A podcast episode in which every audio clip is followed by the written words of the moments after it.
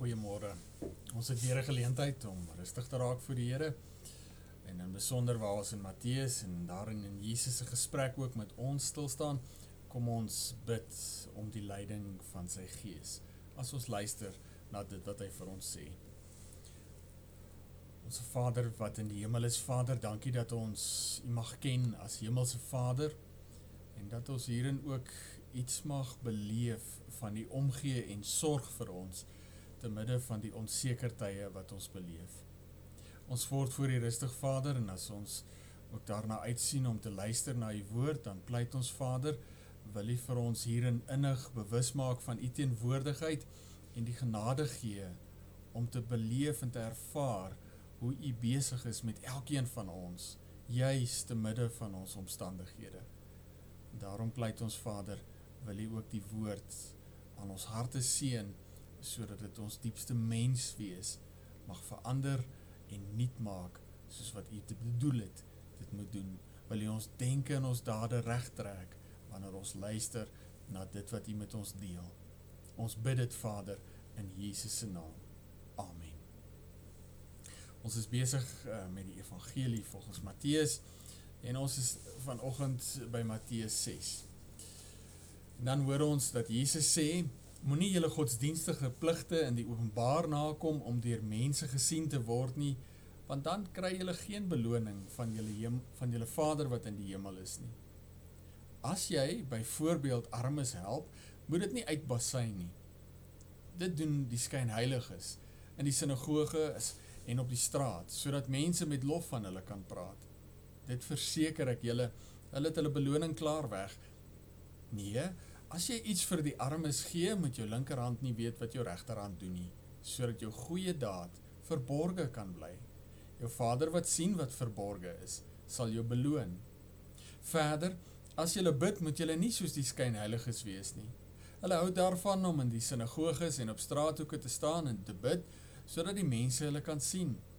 Dit verseker ek julle, hulle het hulle beloning klaar weg. Nee, as jy bid, gaan na jou kamer toe maak die deur toe toe en bid tot jou Vader wat jy nie kan sien nie. Jou Vader wat sien wat verborge is, sal jou beloon. Wanneer jy hulle bid, moet jy nie soos die heidene 'n stortvloed van woorde gebruik nie. Hulle verbeel hulle hulle gebede sal verhoor word omdat hulle baie woorde gebruik. Moet dan nie soos hulle maak nie, want julle Vader weet wat julle nodig het nog voordat julle dit van hom vra. So moet julle bid. Ons Vader wat in die hemel is, laat U naam geheilig. Laat u koninkryk kom.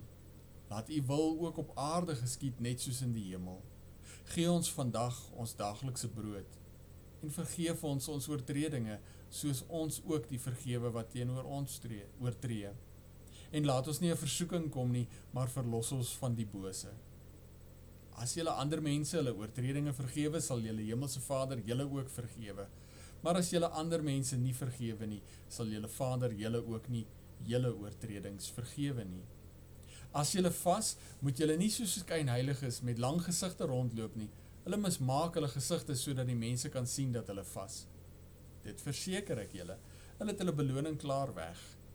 Nee, as jy vas, versorg jou hare en was jou gesig sodat niemand kan sien dat jy vas nie, behalwe jou Vader wat jy nie kan sien nie. Jou Vader wat sien wat verborge is, sal jou beloon.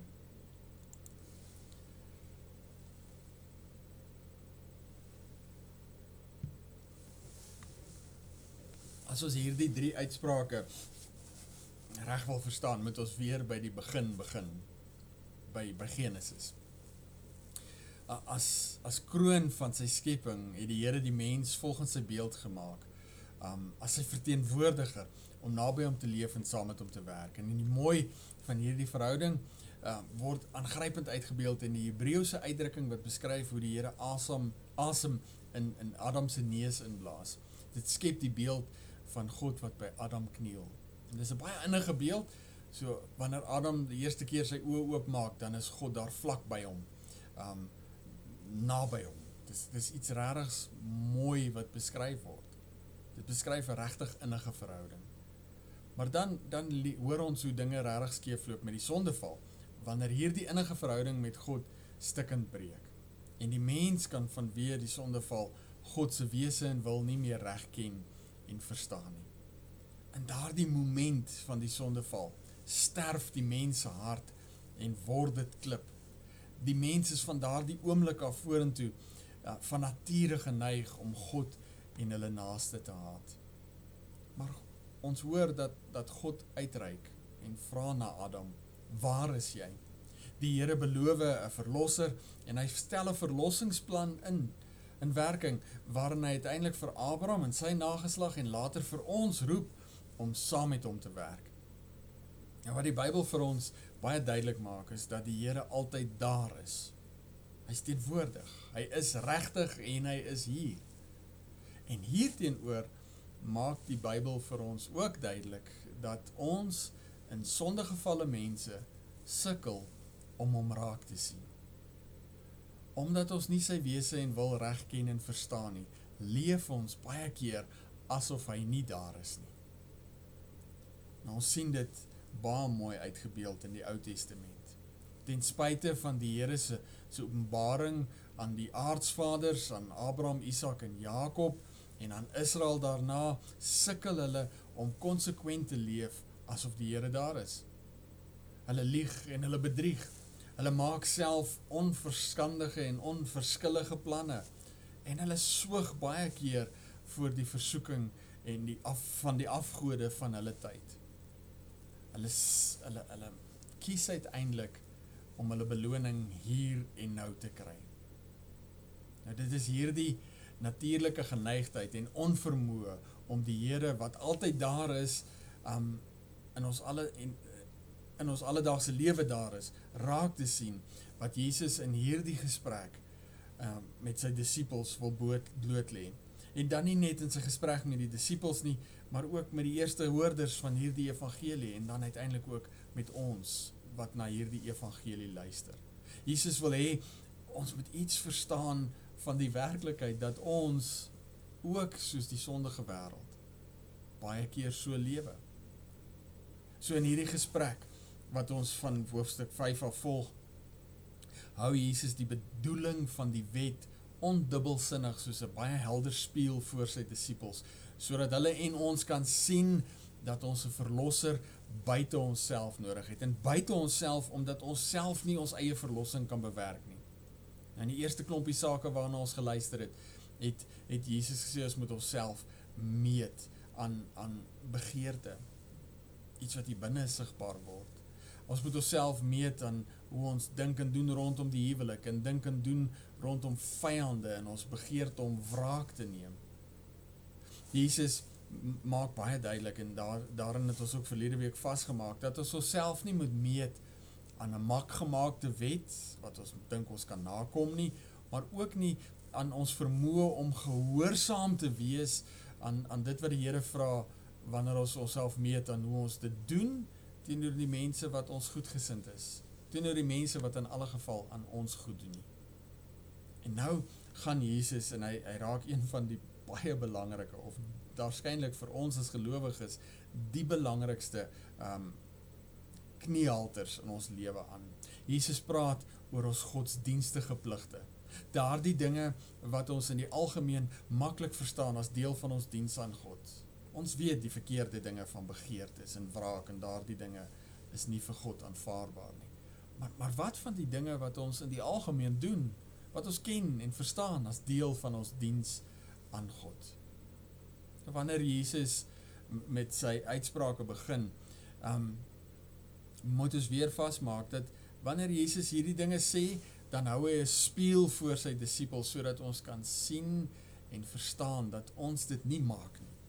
Dat ons self nood het aan 'n verlosser buite onsself. En in dieselfde asem, terselfdertyd lig is ons ook die lig vir die wêreld en die sout vir die vir die aarde. En daarom gee Jesus in hierdie uitsprake ook 'n reël vir 'n dankbaarheidslewe. Maar daar's 'n volgorde hier. Dis dit wat die katekismes in Sondag 1 vir ons sê. Daar is ek leef salig of werklik gelukkig in die wete dat ek aan Christus behoort wanneer ek my kennis het van my eie sonde en ellende, weet ook daarvan verlos word in Christus en dan in dankbaarheid lewe. En die disippels wat hier voor Christus sit, het daardie tweede goeders nog nie vas nie. Hulle het nog nie gesien of nog nie verstaan eers dat Christus in sy in hulle plek moet sterf nie. So Jesus is hier besig in hierdie gesprek om die disippels te begelei na grondige kennis van hulle eie sonde en ellende. En Jesus lê in sy eerste stelling in hierdie uitsprake die kern van ons probleem bloot. Moenie jou godsdienstige pligte nakom om deur mense gesien te word nie, want dan gaan jy nie 'n beloning kry van jou Vader wat in die hemel is nie. Nou die vraag wat ons hierin moet vra is, hoekom sal 'n mens eerder jou beloning van ander mense hier en nou wil kry? En die antwoord is omdat ek hulle kan sien. Hulle is daar. En en en daarin dan die volgende vraag, hoekom die groot vertoon waarom waarin mense baie keer hierdie pligte sal nakom? Al omdat die mense van wie ek my beloning verwag, nie kan sien wat in die geheim gebeur nie. Hulle kan net sien dit wat in die openbaar gebeur. Dit is 'n 'n ding waaroor ons baie nigter moet dink hier en waaroor ons baie eerlik moet wees. Want ons kan maklik sê dat ons is nie daar nie en dis waar die disippels ook was. Dit is 'n dis 'n baie diep ding. En dit sluit aan by die kern van die sondeval waar Adam en Eva hulle rug op God gedraai het en daaruit ons almal se natuurlike geneigtheid om uiteindelik God nie raak te sien. Den diepste is die is die enigste rede hoekom ek 'n beloning hier en nou verwag is omdat ek nie glo dat God daar is nie.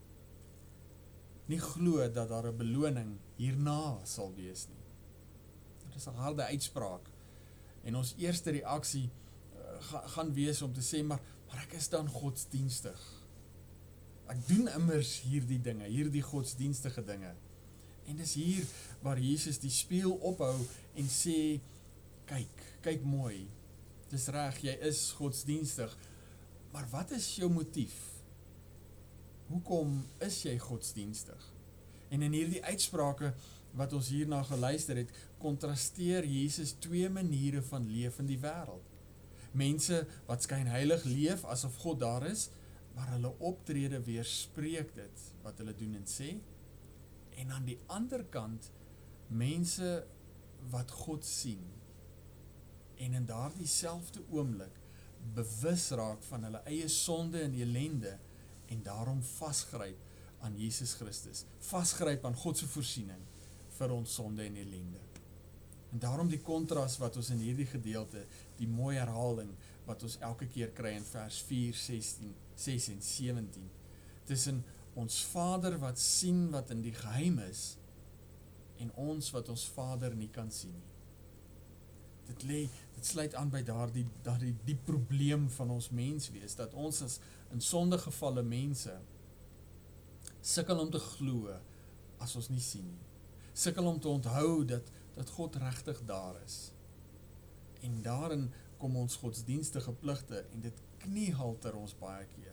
In plaas daarvan dat dit ons help om te fokus op God wat daar is, om om om te onthou dat hy daar is, kom ons dan baie keer en ons word gesis in 'n vals wete of in 'n vals gedagte, 'n vals idee dat ek oukei okay is omdat ek my godsdienstige pligte nakom. Jesus kom in hierdie uitsprake en hy trek sy disippels se aandag weg van die dinge wat in die openbaar gebeur na die dit wat diep binne in hulle harte gebeur. Na die sondeval, is regtig belangrik om te verstaan om om vir 'n oomblik weer vas te maak, is ons van nature geneig om te leef asof God nie daar is nie. Want ons kan hom nie sien nie. En ons sien die harde waarheid hierdie harde waarheid aangrypend uitgebeeld in en afspeel in Eksodus 32 wanneer die volk nadat hulle gesien het hoe die Here die Here wat hulle nie kan sien nie hoe die Here hulle uit met magtige dade uit Egipte gelei het en wanneer Moses teen die berg opgaan en 'n bietjie lank wegbly dan dan raak die volk paniekerig en hulle kom in opstand en hulle oortuig en oorreed vir Aaron om 'n goue kalf te maak. Iets wat hulle kan sien. Ons ons ons sien hierdie waarheid afspeel in Dawid se lewe. Dawid wat bewus van van God se almag en die werklikheid van God geleer het dat hy kan terwyl hy sy pa se skape oppas, leeu's en beere die stryd aansê. En daarom ook wanneer hy vir sy sy broers kos vat in die, in die oorlog teen die Filistyne ook vir Goliat, die reus, die stryd aan sê. En tog Dawid wat hierdie wete gehad het, wat geleef het in hierdie verhouding met die Here met tye en en gedigte hieroor ge, ge, geskryf het, is ook die man wat later eh, vergeet dat God daar is wanneer hy alleen op die dakstoep staan van die tempel en dan uiteindelik by 'n punt kom om vir Iria dood te maak en sy vrou te steel. Ons sien dit in Elia se lewe. Elia wat al die Baal-profete die stryd aan sê en en beleef hoe die Here op die berg Karmel vuur uit die hemel stuur en die en die hele altaar met offer en klippe en al verbrand tot as. Net om 'n paar dae later alleen in die woestyn te gaan wegkruip omdat hy voel hy is alleen en dat God nie daar is nie. Moedeloos en moeg. En die punt hier gaan dit wees dat dat ons is almal kwesbaar hiervoor. Dit is nie hier 'n ding van onderskeid tussen gelowige en ongelowige nie. Hierdie hierdie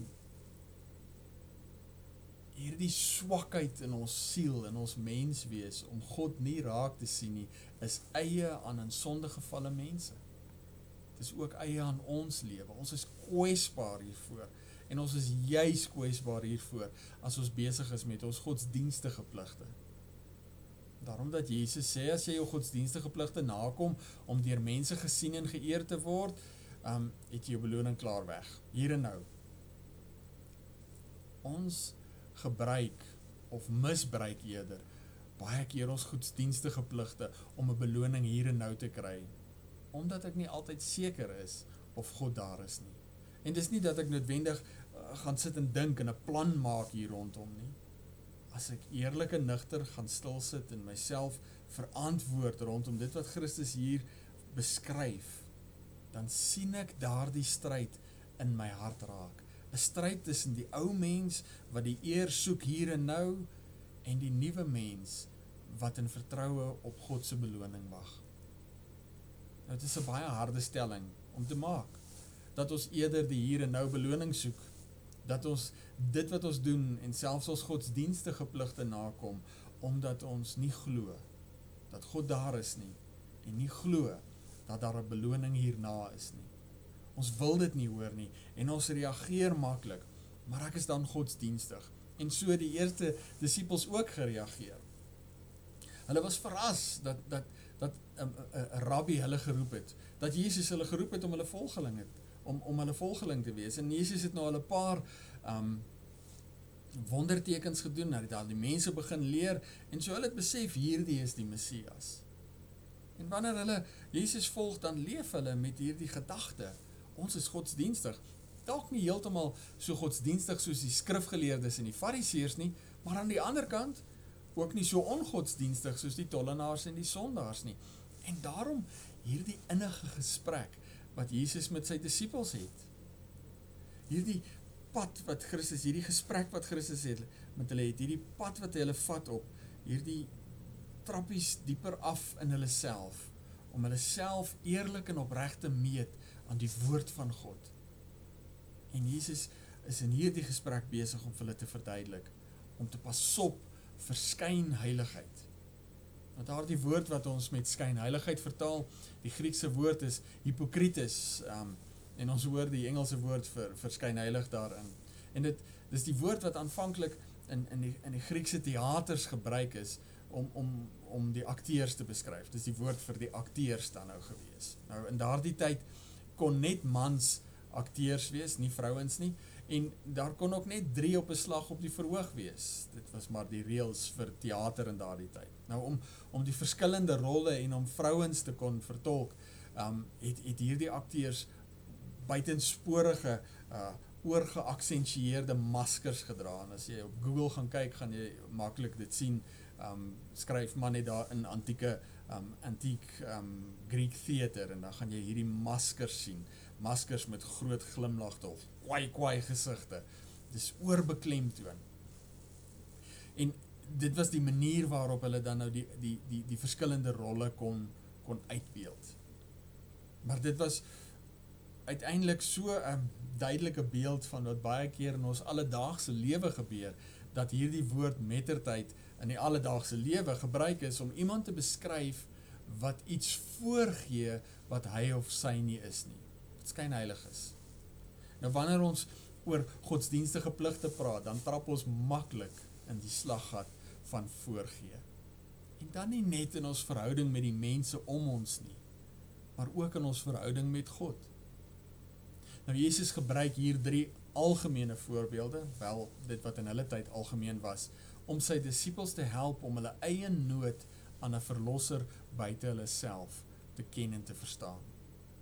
Nou onthou, as ons na hierdie drie uitsprake luister, weer eens belangrik, daar is 'n waarskuwing, so moet dit nie wees nie. Dan word dit die spieël waarvoor Christus ons stel sodat ons ons eie sonde en ellende kan raak sien. Maar daarna ook in Christus is daar ook 'n aanmoediging. So moet dit wees. Um so lyk 'n dankbaarheidslewe vir dit wat God vir ons gegee het in Christus. So wanneer ons na hierdie drie sake luister, onthou dit, 'n waarskuwing aan die een kant en 'n aanmoediging aan die ander kant. En die eerste saak wat Jesus uitlig is as jy armes help. Nou, die vraag is nie of ons armes uh, gehelp of ons armes moet help of nie. Dit is veronderstel. In Deuteronomium 15 sê die Here al Daar sal altyd armes in jou land wees en daarom het ek jou beveel om vrygewig te wees teenoor jou mede-Israeliet wat in nood is en arm is. Jesus sê later in Matteus dat die armes dat ons die armes altyd by ons sal hê. En in Matteus 25 sê Jesus ook dat ons lewe by die laaste oordeel gemeet gaan word aan dit wat ons uiteindelik aan die geringstes onder ons gedoen het, aan die armes. Nou die punt is nie hier um dat of hoe ons armes moet moet help nie of wie aan nou regtig armes is nie. Die punt is is eerder die motief waarmee ons help. Jesus sê as ek help om deur mense gesien te word, het ek my beloning klaar weg, omdat my bedoeling was om deur mense gesien en geëer te word. En as ek dit gekry het, het ek dit gekry. Daarom geen beloning van God af nie. Nou, Jesus lig dit uit om, om te wys dat dit is hoe sondaars of of skynheilige mense dit doen om deur mense gesien te word. En nou kom hy en hy sê en dis die waarskuwing, dit moenie so wees nie. Moenie doen wat jy doen vir die armes om deur om deur ander raak gesien te word nie, want dan het jy jou beloning klaar weg. Hierteenoor sê Jesus, wanneer jy help as disipel van Christus die armes help, met jou linkerhand nie weet wat jou regterhand doen nie. En en en dis in 'n opsig uh, too high to come by, né? Dis nie net moet ander mense nie sien wat jy doen nie. Jouself moet nie sien wat jy doen nie. En dis natuurlik dit is regtig onmoontlik. Jy jy gaan weet wat jy gedoen het. So dit gaan nie hier oor om nie te weet nie. Jesus wil hê sy disippels moet na hulle eie harte kyk na hulle diepste mens wees, na hulle diepste binneste, na hulle eie motief. Hoekom help ek? Omdat ek God dien of omdat ek 'n beloning hier en nou verwag?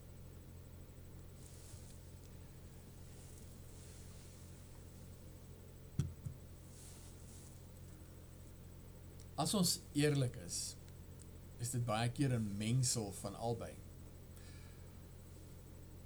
Ek kan onselfsugtig in die geheim goed doen, goed doen aan ander en in dieselfde asem voel ek is oukei. Okay. Dalk so bietjie beter as van die ander.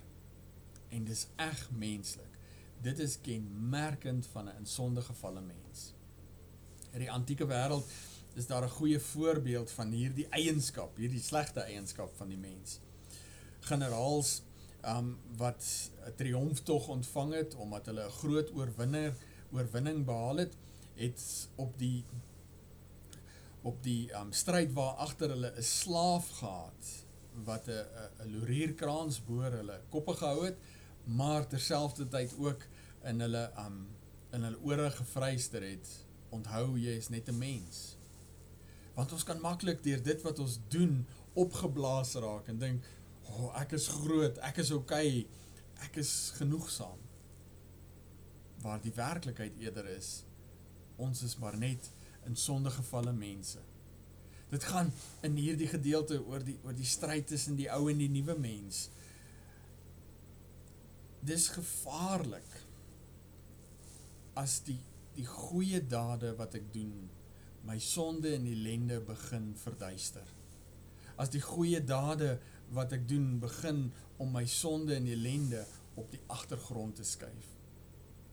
Want as ek so volhou, dan gaan ek later aan by 'n pad kom waar ek vergeet dat ek net soos ander 'n verlosser buite myself nodig het. En daarom die oproep: ken jou sonde en ellende eerlik en opreg. En as jy dit wil sien, as jy dit opreg wil ken, gaan kyk na dit wat diep binne in jou hart aangaan wanneer jy ander help. Nou hoe jy voel wanneer jy vir iemand iets gegee het of dit die bedelaar langs die pad is of jou bydrae vir die kerk. Wat wat leef daar diep binne? Die tweede voorbeeld wat Jesus gebruik is as jy bid. En en dan is dit weer iets wat veronderstel is. Ons moet die heeltyd vir almal bid. En Jesus sê ons moenie uh, in die openbaar bid met 'n stortvloed van woorde om deur mense raak gesien te word. Nou hierdie uitspraak van Jesus word in ons eie tyd ook baie keer misbruik, eg menslik geïnterpreteer en misbruik wanneer mense by 'n punt kom om te sê dat ons moet hoegenaamd nie in die openbaar bid nie. En dit was nie wat Jesus bedoel het nie.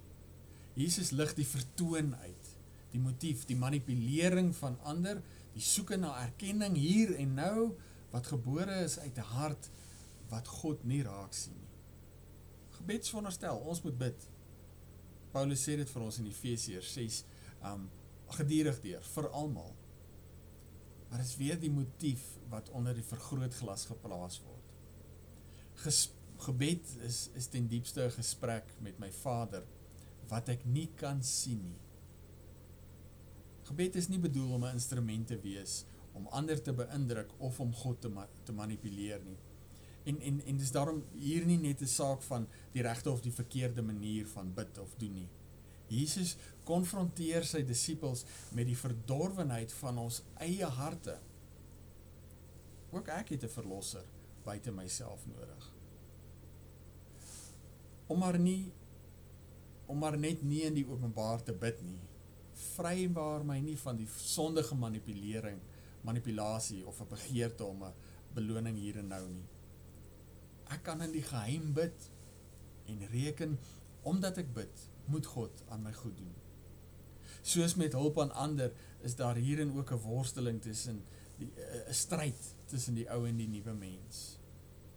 Nou Jesus lig dit op 'n besondere manier uit. Um die ou vertaling vertaal die woord wat daar gebruik word is 'n tamaion uh, met gaan na jou binnekamer. In die nuwe vertaling net 'n kamer, maar die Griekse woord beskryf 'n 'n kamer, 'n klein kamer of 'n of 'n kas wat 'n geheime klein kamer of kas in mense se huis waar hulle hulle hulle mees kosbaarste besittings uh, geberg het. In daardie tyd was daar nog nie brandkluise en sulke dinge nie. So hulle het 'n hulle het 'n wegsteek plekkie in hulle huis gehad waar hulle hulle kosbare besittings geberg het. En Jesus verwys na hierdie wegsteek plekkie, hierdie geheime plekkie in sy gesprek oor gebed. Jesus sê gaan na jou binnekamer, na daardie wegsteek plekkie. So wanneer Jesus so met sy disippels praat, dan sluit hy aan by die uitsprake die uitspraak net hierna na hierdie gedeelte oor skatte in die hemel wanneer Jesus sê um wat waar jou skat is daar sal jou hart ook wees en dit is die vraag wat is in jou hart daar diep binne in daardie geheime plekkie wat ander nie kan sien nie wat is in jou hart daar weggesteek daar waar God jou Vader wat in die hemel is wel kan sien dit gaan nie in die gebed oor woorde nie of dit nou in die openbaar of in die privaat is nie. Maar dit oor dit wat in my diepste binneste leef, daar waar God kan sien. David verwoord die waarheid hiervan aangrypend in Psalm 139 wanneer hy sê u ken my gedagtes nog voordat dit by my opgekom het.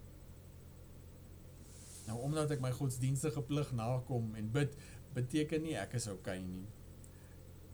Beteken nie ek kan nou dink, "Wel, ek bid daarom gereeld, daarom is ek okay, ek het nie 'n verlossing nodig nie." Dit is dis 'n versoeking vir ons almal. Ek bid. Ek staan in 'n verhouding met die Here en daarom is alles maar net reg.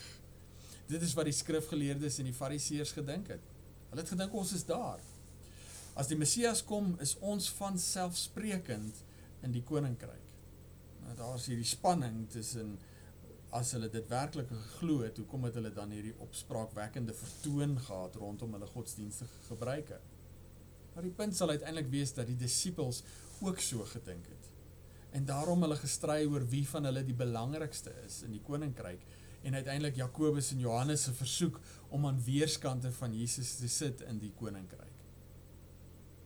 So Jesus kom in hierdie gesprek en hy konfronteer hulle die die eerste disippels, maar ook die eerste hoorders en ook vir ons met dit wat regtig in ons diepste binneste aangaan. En die bedoeling is uh, om nie om by 'n punt te kom waar ons kan sê maar ek kry dit reg nie, ek bid daarom nie in die openbaar nie.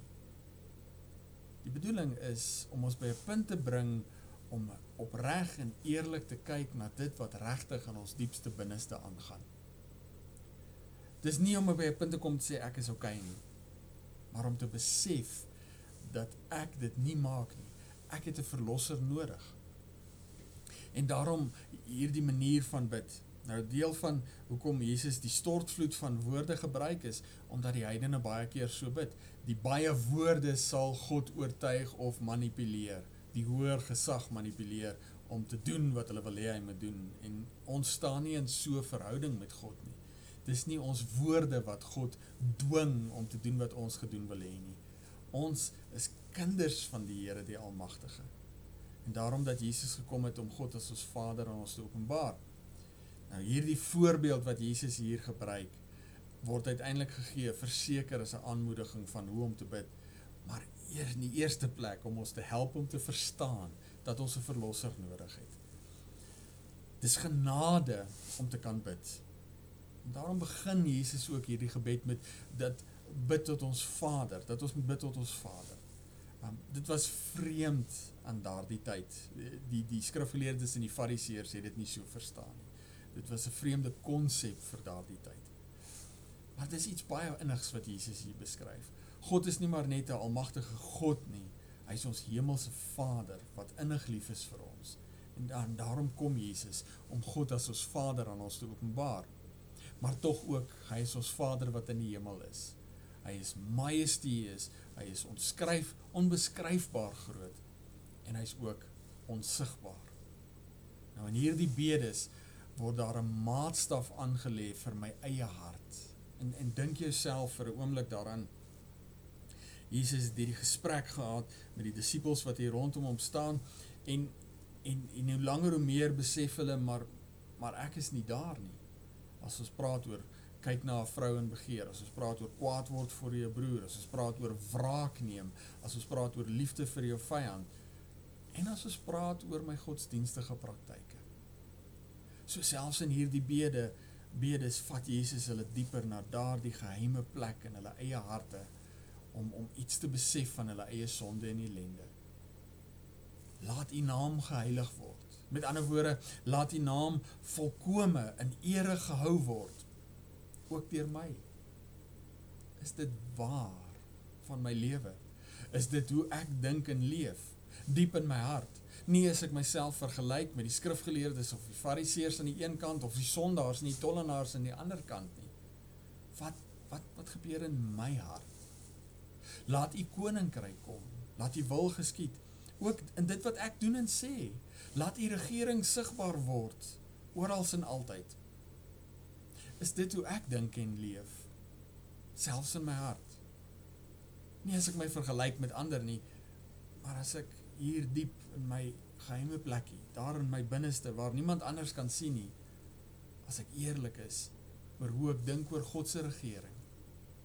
Wat gaan daaraan? Gee ons vandag ons daaglikse brood. 'n gebed gebed wat baie belangrik was vir mense wat oorwegend dagloners was en wat in ons tyd as ons dink aan die ekonomiese inkrimping wat ons beleef baie aktueel is.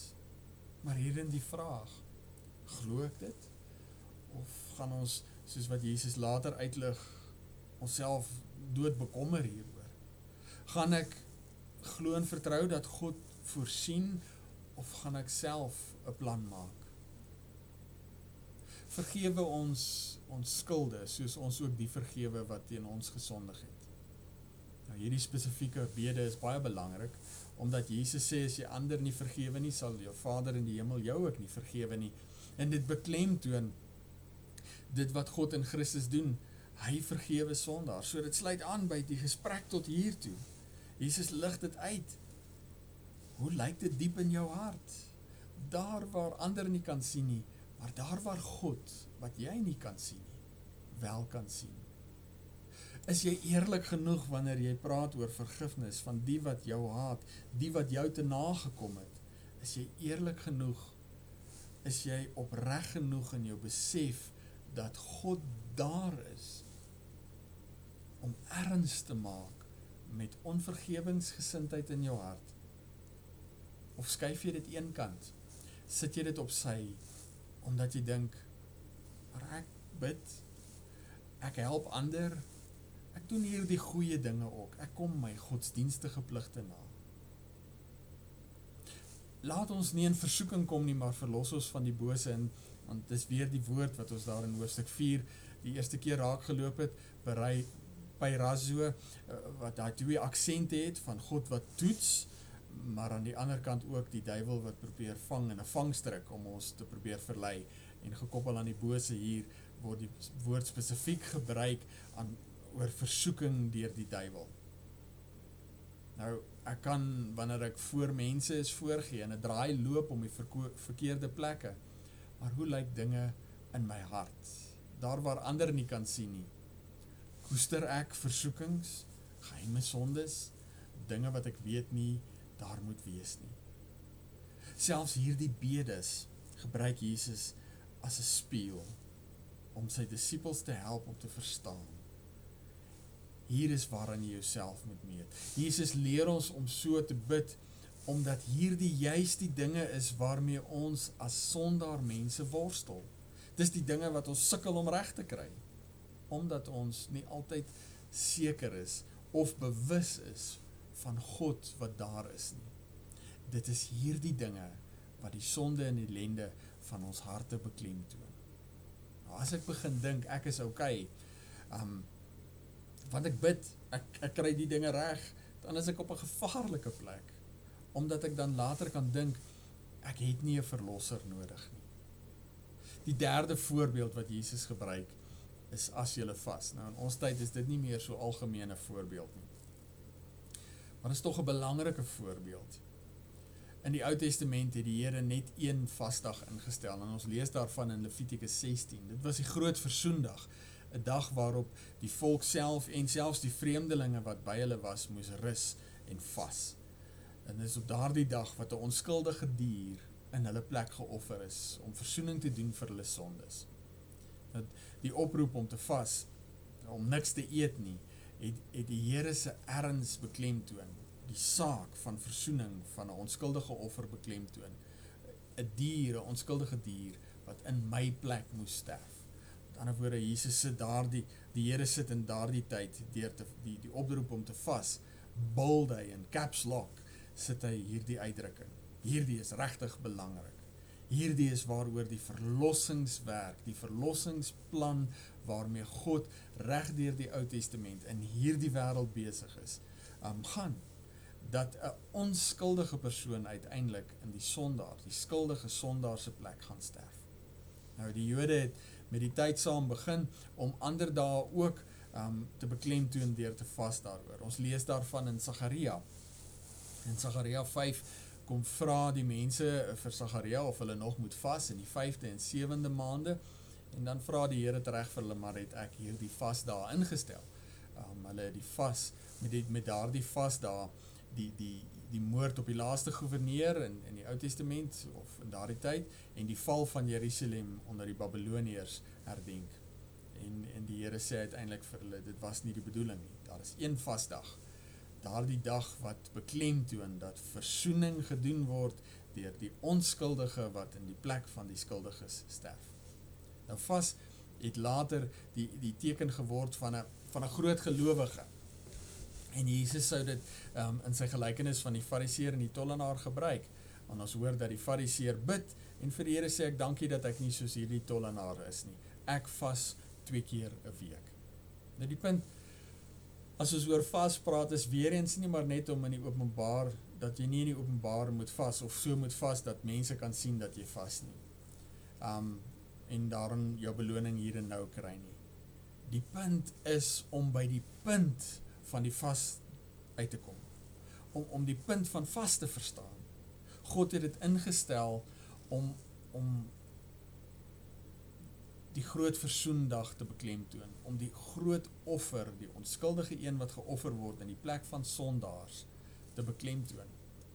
As ek vas en begin dink ek is oukei okay, of my of of ek myself nou vergelyk met ander of nie, dan is ek in die moeilikheid. Die groot van die punt van die groot versoendag was dat ek 'n verlosser buite myself nodig het. Iemand onskuldig moet in my plek sterf. So Jesus vat met hierdie uitsprake sy disippels terug na hulle diepste menswees sodat ons ook kan besef ek is sondig en elendig ek het 'n verlosser buite myself nodig. Godsdienstige pligte het 'n manier om ons salig gerus en gemaklik te maak, vasgevang vas te vang in hierdie hierdie hierdie hierdie, hierdie dodelike idee dat ek oukei okay is, want ek doen dit of dat. Dit is nie net die skrifgeleerdes en die fariseërs wat hierin skyn heilig is nie. En weer eens die oproep om myself nie in hierdie uitsprake te meet aan die uiterste voorbeeld van die skrifgeleerdes en die fariseërs nie. Hulle daar ver daar buite nie, maar eerder aan dit wat in my eie hart aangaan. Daardie geheime plek, daar daardie geheime spesiale plek wat ek dink niemand anders kan sien nie, maar wat God wel kan sien. Jesus waarsku sy disippels en daarom vir ons hier nie net teen skynheiligheid, teen uh, voorgee in ons verhouding teenoor ander mense nie, maar ook teen skynheiligheid in ons verhouding teenoor God. As ek my sonde en ellende probeer wegsteek agter my godsdienstige pligte, is ek in hart en siel skynheilig omdat ek teenoor my Vader voorgee om iets te wees wat ek nie is nie. En dis onsinnig om so te leef. Dis dwaas omdat ons hemelse Vader kan sien wat in die geheim is. Dit wat daar diep binne in my hart aan die gang is. En daarom die oproep: wees nugter en eerlik met jouself en met jou hemelse Vader. sien, erken en bely jou sonde en ellende teenoor hom. En dan wanneer jy dit raak sien en besef en wanneer jy hierin en, en, en dis die die aangrypende van hierdie gedeelte, nê, dat selfs in hierdie gebed wat Jesus pas tevore uitgelig het, die bedoeling is om om jouself helder en eerlik te sien. En as ek doen, dan die genade van God dat ek nie in wanhoop of wanhoop hoef te bly lê van ek ellendige mens nie. Ek kan in daardie selfde besef dan soos Paulus vasgryp. Onthou Paulus wat gebid het en gesê ek is 'n ellendige mens want die goeie wat ek wil doen doen ek nie en die slegte wat ek nie wil doen nie dit doen ek wel. Die ou en die nuwe mens hierdie stryd wat daar tussen in sy hart was sê dan ek is 'n ellendige mens wie sal my van hierdie doodsbestaan verlos? Ons lees daarvan in Romeine 7 en dan sê hy aan God die dank hy doen dit in Christus. God is daar. Hy sien in alle geval wat ons probeer wegsteek. En hy het in Christus verlossing vir jou bewerk. Weet en onthou dat jou hemelse Vader voorsiening gemaak het. Jesus Christus, die onskuldige seun van God, het in jou plek gesterf, gesterf en die straf op jou sonde gedra. Jy's daarom moet ons pas op vir die vals gerusheid van skynheiligheid wat maak dat ons eerder op ons eie vermoë steen vir verlossing. Nou hier is dit belangrik. wanneer ons by hierdie gedeelte stil staan, kan ons maklik by 'n punt kom om te sê, maar ons is nie daar nie. Ek is nie daar nie. Ek is daarom 'n kerkmens. Ek gaan kerk toe en ek en ek en ek bid en ek lees my Bybel en ek gee my bydrae en dan trap ons presies in hierdie slaggat. Ons is nie gevrywaar hiervan nie. Die vrug van 'n skynheilige lewe kenmerk al te maklik die kerk se lewe. Die kerk wat veronderstel is om sout en lig vir die wêreld te wees. Paulus skryf hieroor in sy brief aan Timoteus en dan hoor ons in 2 Timoteus 3 uh, vers 1 tot 5 as Paulus hierdie woorde sê. Nou hier is dit regtig belangrik om te verstaan. Paulus beskryf nie hier die wêreld daar buite nie. Hy beskryf die kerk wat in die wêreld leef. Ons hoor dat daar staan dit moet jy weet. Hy sê vir Timoteus, maar ons kan dit ook dan nou so leef. Lees, dit moet julle weet. In die laaste dae sal daar swaar tye kom. Die mense sal selfsugtig wees, geldgierig, grootpraterig en verwaand, beledigend teenoor hulle medemens en ongehoorsaam aan hulle ouers, ondankbaar en ongodsdienstig. Hulle sal liefdeloos en onversoenlik wees, kwaadpraters, bandeloos en wreed, sonder liefde vir die goeie. Hulle sal verraaiers wees, roekeloos en hooghartig. Hulle sal eerder liefde vir genot hê as liefde vir God. Hulle sal nog die uiterlike skyn van die godsdiens hê, maar die krag van die godsdiens sal hulle nie ken nie. Dis 'n aangrypende gedeelte hierdie. As ons kyk na ons wêreld, dan moet ons sê dat hierdie dinge beskryf ons wêreld. Maar wanneer hierdie dinge geskryf word, dan sê Paulus, dis die dinge wat die kerk gaan kenmerk in die laaste dae. Dis die dinge wat in die kerk gaan sigbaar word. Daarom gaan dit in die wêreld sigbaar word omdat die kerk nie goeie sout en lig gaan wees nie. Hoe kom die kerk by so 'n plek uit? En die antwoord is deur skynheiligheid. Wanneer ek voorgee om te wees wat ek nie is nie. Wanneer ek my eie sonde en ellende probeer wegsteek onder die goeie dinge wat ek doen en dan uiteindelik nie meer 'n getuienis het van God wat in Christus my verlos het nie. Paulus sê aangrypend dat mense nog die uiterlike skyn van die godsdiens sal hê, maar die krag van die godsdiens sal hulle nie ken nie. Daardie krag van die godsdiens, hoor ons in Romeine 1, is die evangelie. Dit is die waarheid dat dat Jesus Christus die seun van God, die onskuldige seun van God in my plek, in my die skuldige sondaar se plek gesterf het aan die kruis. Wees daarom nugter en eerlik oor oor dit wat diep in jou hart aangaan. Daar waar net God kan sien. En as jy besef dat jy soos die sondige wêreld ook baie keer dink en leef asof God nie daar is nie, gryp vas aan Christus. Volg hom. Nou, wat beteken dit? Hoe volg jy Christus? Wel hou jou oë op hom. En ons hou ons oë op hom in hierdie tyd in besonder deur die leiding van die Gees te volg en ook daarin die leiding van die Gees soos dit in die skrifte in die woord vir ons gegee word. Hou jou oë op hom. Vertrou dat hy uh, die volkomme offer gebring het. Leer by hom. Onthou die skrif is gegee om ons denke en dade reg te trek sodat ons wat in diens van God staan volkome toegerus kan wees vir elke goeie werk. So leer by Christus, leer hoe om te dink en hoe om te doen en doen dan in opregtheid wat jy doen vir jou hemelse Vader. Mag jy in die week wat kom hierin die genade en seën van God beleef. Sensitief wees vir die leiding van die Gees as Christus ook in hierdie tyd in die omstandighede wat ons nou beleef ons vat na 'n dieper ontmoeting met hom 'n dieper besef van ons eie sonde en ellende sodat ons die grootsheid van dit wat Christus kom doen het van wie hy is mag ken en daarin ook God as hemelse Vader beter mag leer ken. Amen. kom ons antwoord hierin in gebed. Vader, baie dankie dat ons U mag ken as Hemelse Vader. Dankie vir U woord in ons eie taal. Dankie vir dit wat ons in Matteus kan leer. Maar Vader, as ons by hierdie gedeelte in besonder stil staan en ons die die kontras sien van ons eie godsdienstige werke en hoe dit ons baie keer kan laat vasval in 'n vals gerusheid, dan bid ons Vader, gee vir ons helderheid van verstand, eerlikheid en nugterheid van hart om ons eie sonde en ellende nugter raak te sien. En as ons dit sien, wil U ons Vader die genade gee om om nie daarin moedeloos vas te kyk nie, maar om daarin ook die kruis te sien waar Christus gesterf het. Die wonder van die offer wat U gebring het.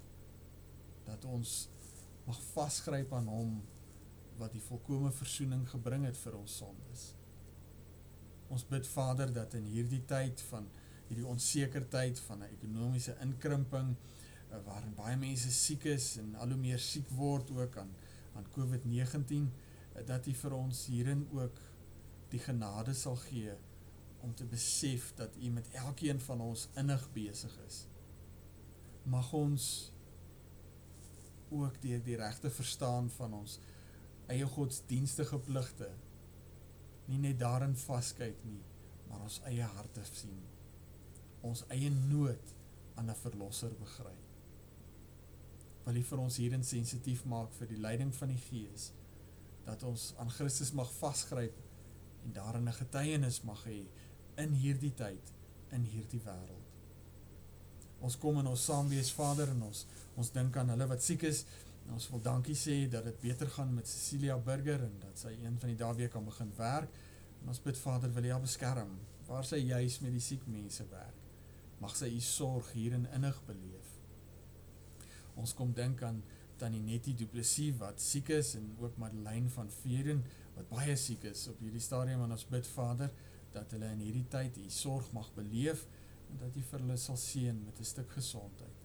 Ons dink aan aan elkeen wat familie en vriende het wat siek is, wat swaar trek aan die las van, van stikkende lichame, stikkende mense in een gebroke stikkende wereld. Mag ons te midde van die, die onzekerheid en die zwaarkry van hierdie tyd, toch nog beleef dat u die een is wat in hierdie omstandighede uitreik en ons nader trek na u toe. Ons wil in ons saamwees voor die Vader pleit, Eh, vir ons land en ons wereld, vir die kerk in ons land en die wereld.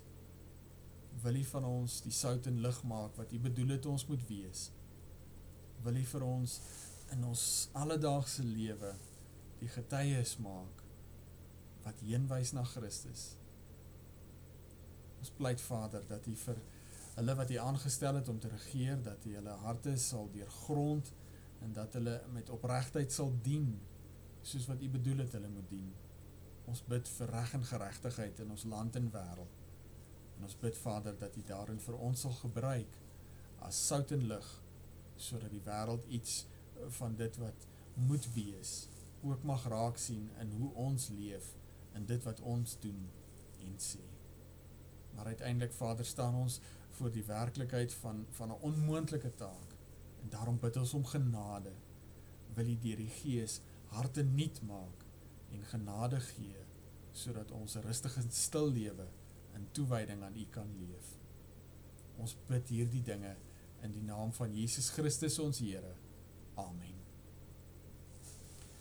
Baie sterkte vir die week wat voorlee, mag jy die, die teenwoordigheid van God ons Vader innig beleef en, en daarin die wonder van Jesus Christus wat ons voorgaan, voor ons uitloop, ook in hierdie tyd. Mag jy beleef dat binnen jou omstandighede, selfs al is dit moeilik, jy is nie alleen is nie. Die Hebreerskrywer sê vir ons mooi dat die hoge priester Jesus Christus wat ons het, is nie een wat nie medelije met ons swakheid het nie, omdat hy net soos ons aan al hierdie moeilikhede onderwerp was. En mag jy in daar die uitdagings uiteindelik sensitief bly vir die leiding van die gees wat in ons harte woon en ons herinner aan alles wat Jesus gesê en gedoen het. Baie seën vir die week wat voorlê, sterkte en mooi bly.